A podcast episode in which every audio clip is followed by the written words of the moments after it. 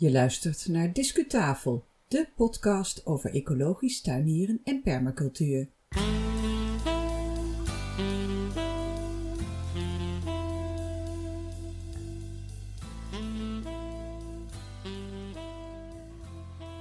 Welkom bij deze Discutafel special. Fijn dat je weer luistert. Mijn naam is Yvonne Smit.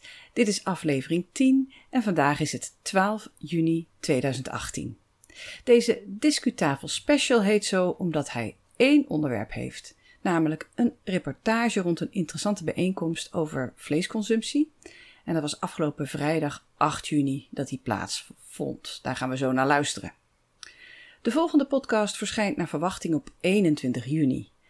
Doorgaans publiceren we één keer per twee weken een aflevering, soms iets vaker zoals nu, omdat we deze Discu-special snel na de bijeenkomst in Bokstel wilden uitbrengen. Op de website staat een actueel uitzendschema. Discutafel is een initiatief van Yvonne Smit met medewerking van Marlies Notemans. Als je vragen hebt of tips voor onderwerpen, laat het weten via Twitter of e-mail. Maar laten we nu gaan luisteren naar de reportage.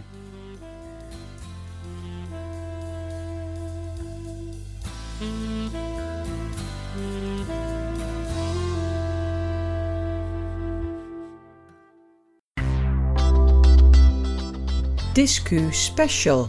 Afgelopen vrijdag 8 juni organiseerde Transitie Boekstol een avond over minder vlees eten. En de titel was heel leuk: Worst of Worsteling. Op weg naar minder vlees was de ondertitel. Namens Discutafel was ik aanwezig om er deze Discu Special van te maken. Ik werd er gastvrij en vrolijk ontvangen, waarvoor nog mijn hartelijke dank aan de organisatie. In de Discu Special mijn recensie en enkele kenmerkende fragmenten van deze avond. In de shownote publiceren we ook enkele foto's.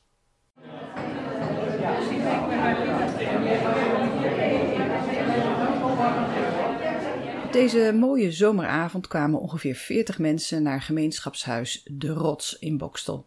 En zij maakten een gevarieerd programma mee met korte voordrachten, persoonlijke columns en tafeldiscussies. Dit eh, magazine-format ging er goed in Avondvoorzitter Hans Bleumink praatte de onderdelen soepel aan elkaar. Hij vertelde dat deze bijeenkomst niet op zichzelf staat. Dit programma vanavond is niet alleen uh, zeg maar een eenmalige actie, maar dat is een, zeg maar, onderdeel van een drieluik. Uh, in april hebben jullie de film kunnen zien, uh, Me Truth, uh, over bio-industrie. Vanavond gaan we met elkaar in gesprek. Doen we echt actief. Het tweede gedeelte van het programma gaan we echt in gesprek. En in uh, oktober is er de duurzame week. Die staat in het teken van vlees en, en minder vlees eten. Uh, er zijn allerlei activiteiten. Maar ook aan de slag, kun je ook aan de slag, dus houd het programma uh, in de gaten. Bleumink kreeg de aanwezigen zowel mentaal als fysiek actief met een bekende methode. Kies je plek in de ruimte om je positie weer te geven rondom een onderwerp, in dit geval je positie ten aanzien van vleesconsumptie. Eet je veel vlees, ga dan daar staan. Eet je weinig, ga dan daar staan. Misschien ben je vegetariër of veganist, ga dan daar staan. Dat leverde de nodige hilariteit op en de stemming zat er meteen in. Natja van Berkel deed helemaal bij aanvang de aftrap met een persoonlijke column en die was soms erg komisch. Als zij voor een recept vlees nodig heeft bijvoorbeeld, is het een hele tour om haar imago te bewaken wanneer ze in de supermarkt is. Ik kijk eerst goed rond of bekenden zie. Als dat zo is, is het ook. Matthijs de Jong kwam aan het woord. Hij is een, een van de twee jongere sprekers tijdens deze avond. Hij studeert aan de Radboud Honors Academy en zijn verhaal met cijfers die gaat over, uh, ja, die ging eigenlijk over onze grote vleesconsumptie, uh, de milieugevolgen daarvan, methaancijfers en zo. En nou, de wat ingevoerde bezoeker die zal weinig nieuws hebben gehoord, maar ja, het moet toch even gezegd. Gelukkig had hij een positieve boodschap voor fervente vleeseters met morele dilemma's. Vlees verminderen is natuurlijk super. En ja, heel veel mensen zijn dan bang dat ze nooit meer een lekker biefstukje kunnen nemen. En dan zeg ik, maak er niet in alles of niets van. Um, als je nou af en toe toch misschien twee keer per week of zo jezelf gunt en de rest helemaal zonder gaat, is dat al super. Ik heb erg genoten van de column van Alice Bremmer met haar verhaal als worstelende dochter en later moeder. Een heel relaas was dat. Luister maar. Uh, toen ik 14 werd, toen, uh, uh, was, toen werd mijn vader, ehm, zoals hij dat zelf noemde, verminderd vleeseter. Flexitariër bestond nog niet. en vegetariër wilde hij zichzelf niet noemen, want hij wilde het mijn moeder volgens mij niet al te moeilijk maken als er bolognese saus op tafel kwam. Ehm, dus hij noemde zichzelf verminderd vleeseter. Ehm, als we dan aten s'avonds aan tafel, dan maakte mijn moeder, die de vaste kok was, die maakte voor mijn, vader, voor mijn vader trouwhartig wat, wat je zou kunnen noemen een kaasburger 1.0. Uh, dat was een dikke plak kaas eigenlijk. Je kunt je afvragen hoe gezond het was overigens. Een dikke plak kaas haalden ze door een bloempapje. Uh, ze bakte het aan in de pan en klaar. Rond die tijd bedacht ik dat ik eigenlijk hetzelfde wilde. Ik vond vlees wel lekker, maar ik had inmiddels ook begrepen dat het eigenlijk best wel vervangbaar was. Dus waarom dieren doden als je ook gezond kon blijven zonder vlees? Ik liep alleen op tegen de weerstand van mijn moeder, de vaste kok. Eén afwijkend dieet was voor haar eigenlijk meer dan voldoende. En ergens vond ze volgens mij ook dat ik nog niet echt in staat was op die leeftijd om mijn eigen keuzes te maken. Mijn principes zijn daar nooit helemaal tegen opgewassen geweest. Dus um, mijn vegetariërschap sneuvelde al heel erg snel. Ik werd 18 en ik ging op kamers. En toen werd het opeens heel eenvoudig.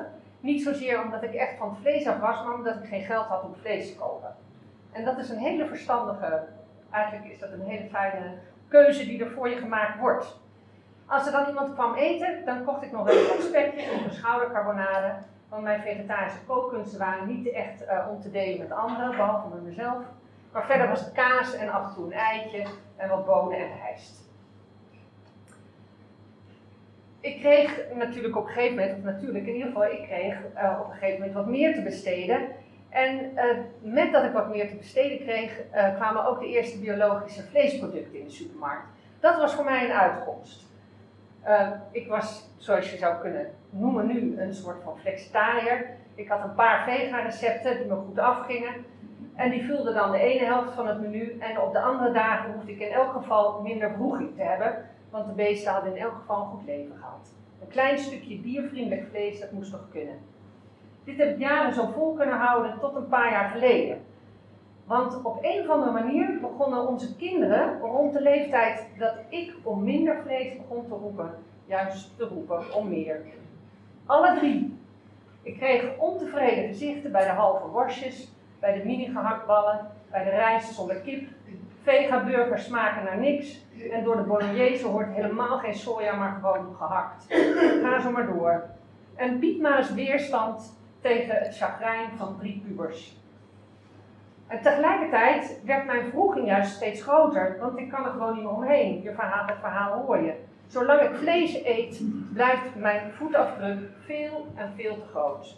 Ook al zijn wij inmiddels thuis herenboer geworden, misschien weet je het wel, een coöperatie hier tussen Bokstel en Sint-Michelsgestel, waardoor wij biologisch of nog niet gecertificeerd, maar in ieder geval vlees eten van heel dichtbij. En dat maakt de voetafdruk misschien iets kleiner. Maar ik weet maar al te goed Vleesloos is pas echt oké. Maar ja, het is misschien bij mij in elk geval zo als met andere dingen die echt oké zijn, zoals dagelijks een half uur bewegen, of elke dag mediteren, of elke dag echt een gesprek hebben met je partner. Het is allemaal echt oké. En het zou niet mogen sneuvelen, maar bij mij sneuvelt het vaak. Nooit helemaal, maar toch altijd wel een beetje. Of eigenlijk altijd wel zo ongeveer voor de helft. Want tegenover die echt oké dingen staan nu eenmaal altijd weer andere dingen, zoals de verlangens van de kinderen, zoals koopgemak, zoals rust en niet te veel hoeven. Toch bedacht ik me dat het deze week weer gelukt is. Geen vlees op tafel. Stiekem heb ik het gedaan, zonder dat iemand het heeft gemerkt. En dat is natuurlijk eigenlijk het allermooiste, dat niemand het merkt en dat je het toch kunt doen. En ondertussen denk ik maar, elk nadeel heeft zijn voordeel. Want als ik straks met een rood behuilde oog op de bank zit omdat mijn laatste kind de deur uit is gegaan, kan ik tegelijkertijd denken, en nu word ik vegetariër.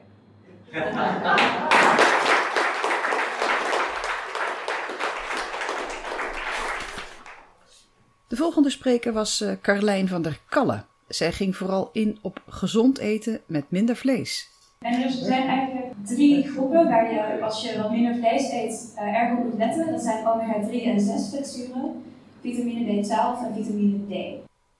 Na Carlijn kwam Dirk Struik aan het woord. Hij is een vader die kookt voor zijn gezin en hij had die avond hapjes voor ons gemaakt. In het volgende fragment vertelt hij iets over die gerechtjes en heeft hij bovendien nog een vaderlijke tip voor thuiskoks. Ik heb uh, vandaag en gisteren voor jullie gekookt. En Marij heeft koekjes gemaakt en heeft ook uh, wat dingen gedaan. En uh, dat is vooral uh, vega. Er is wel een knoflooksaus waar slagroom in zit.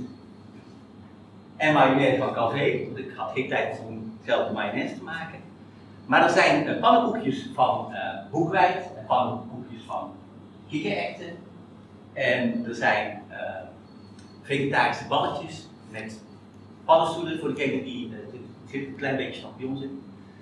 Um, dus voor degene die geen paddenstoelen mogen eten, dienen we daar afleiden. Maar als je dat gewoon kan eten dan. En er zijn een aantal pannenkoekjes en daar zit een ei in en gewoon bloem. En er zit een, uh, een op. En het recept van de pasta saus heeft Dorothee uh, op de site gezet van Transitie Borstel. En koken is namelijk vaak namelijk om gewoon een beetje lef. En als het niet lekker is, dan eet je het gewoon niet op. Dan gaat het weg en dan probeer je het opnieuw. Wat dat betreft is het net als autorijden. Op het moment dat je de eerste keer in de auto stapt, dan zeg je ook niet, nou dit vind ik te eng, ik doe het niet meer. Dan ga je de verkeerde op weer. En dat is koken ook. Lijkt het je leuk om deze hapjes van Dirk Struik en zijn companen te maken. Enkele, enkele recepten staan op de site van Transitie Bokstel. En op onze site van Discutafel hebben wij een link naar die recepten geplaatst. Na de pauze gingen we in uh, groepjes aan tafels met elkaar in discussie over verschillende thema's rond eten met minder vlees.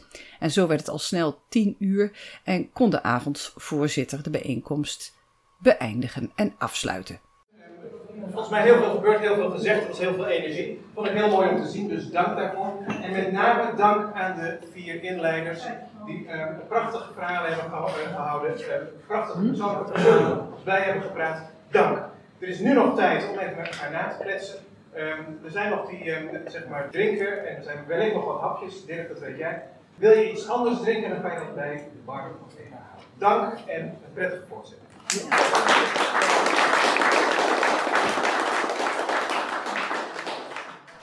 Wat ik vooral zo leuk vond aan deze avond van Transitie Bokstel, was dat er ruimte was voor iedereen op zijn eigen weg naar minder vlees. De wetenschapper, de tobbende moeder, de kokende vader.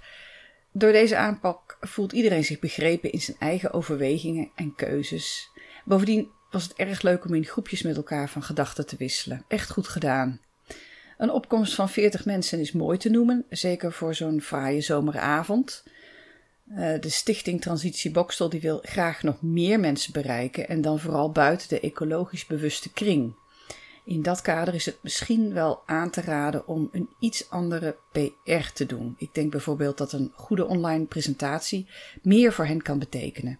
Misschien is een expert in online communicatie en met een duurzaam hart, dat moet hij wel hebben natuurlijk, wel bereid om zijn of haar expertise beschikbaar te stellen. Iemand die de vertaalslag kan maken tussen de actieve leden van Transitie Bokstel aan de ene kant en bredere lagen in de Bokstelse samenleving aan de andere kant. In ieder geval was de reactie van één der aanwezigen erg leuk voor de organisatie. Ik hoorde tenminste dat een actief lid van een vrouwenvereniging dit gevarieerde programma van deze avond graag naar de vereniging wilde halen voor een bijeenkomst bij hun. Nou, zulke introducties zijn natuurlijk geweldig en goud waard. Je kunt uitwisselen met mensen voor wie een ecologische levensstijl misschien iets minder op het programma staat dan de bezoekers die eh, vanavond aanwezig waren. Ook Discutabel wil niet alleen preken voor eigen parochie. Luister je graag naar ons en kan je ons introduceren bij jouw vereniging of jouw bedrijf? We horen graag van je, want we gaan graag met anderen in gesprek. Discuslot. Tot zover deze Discus Special.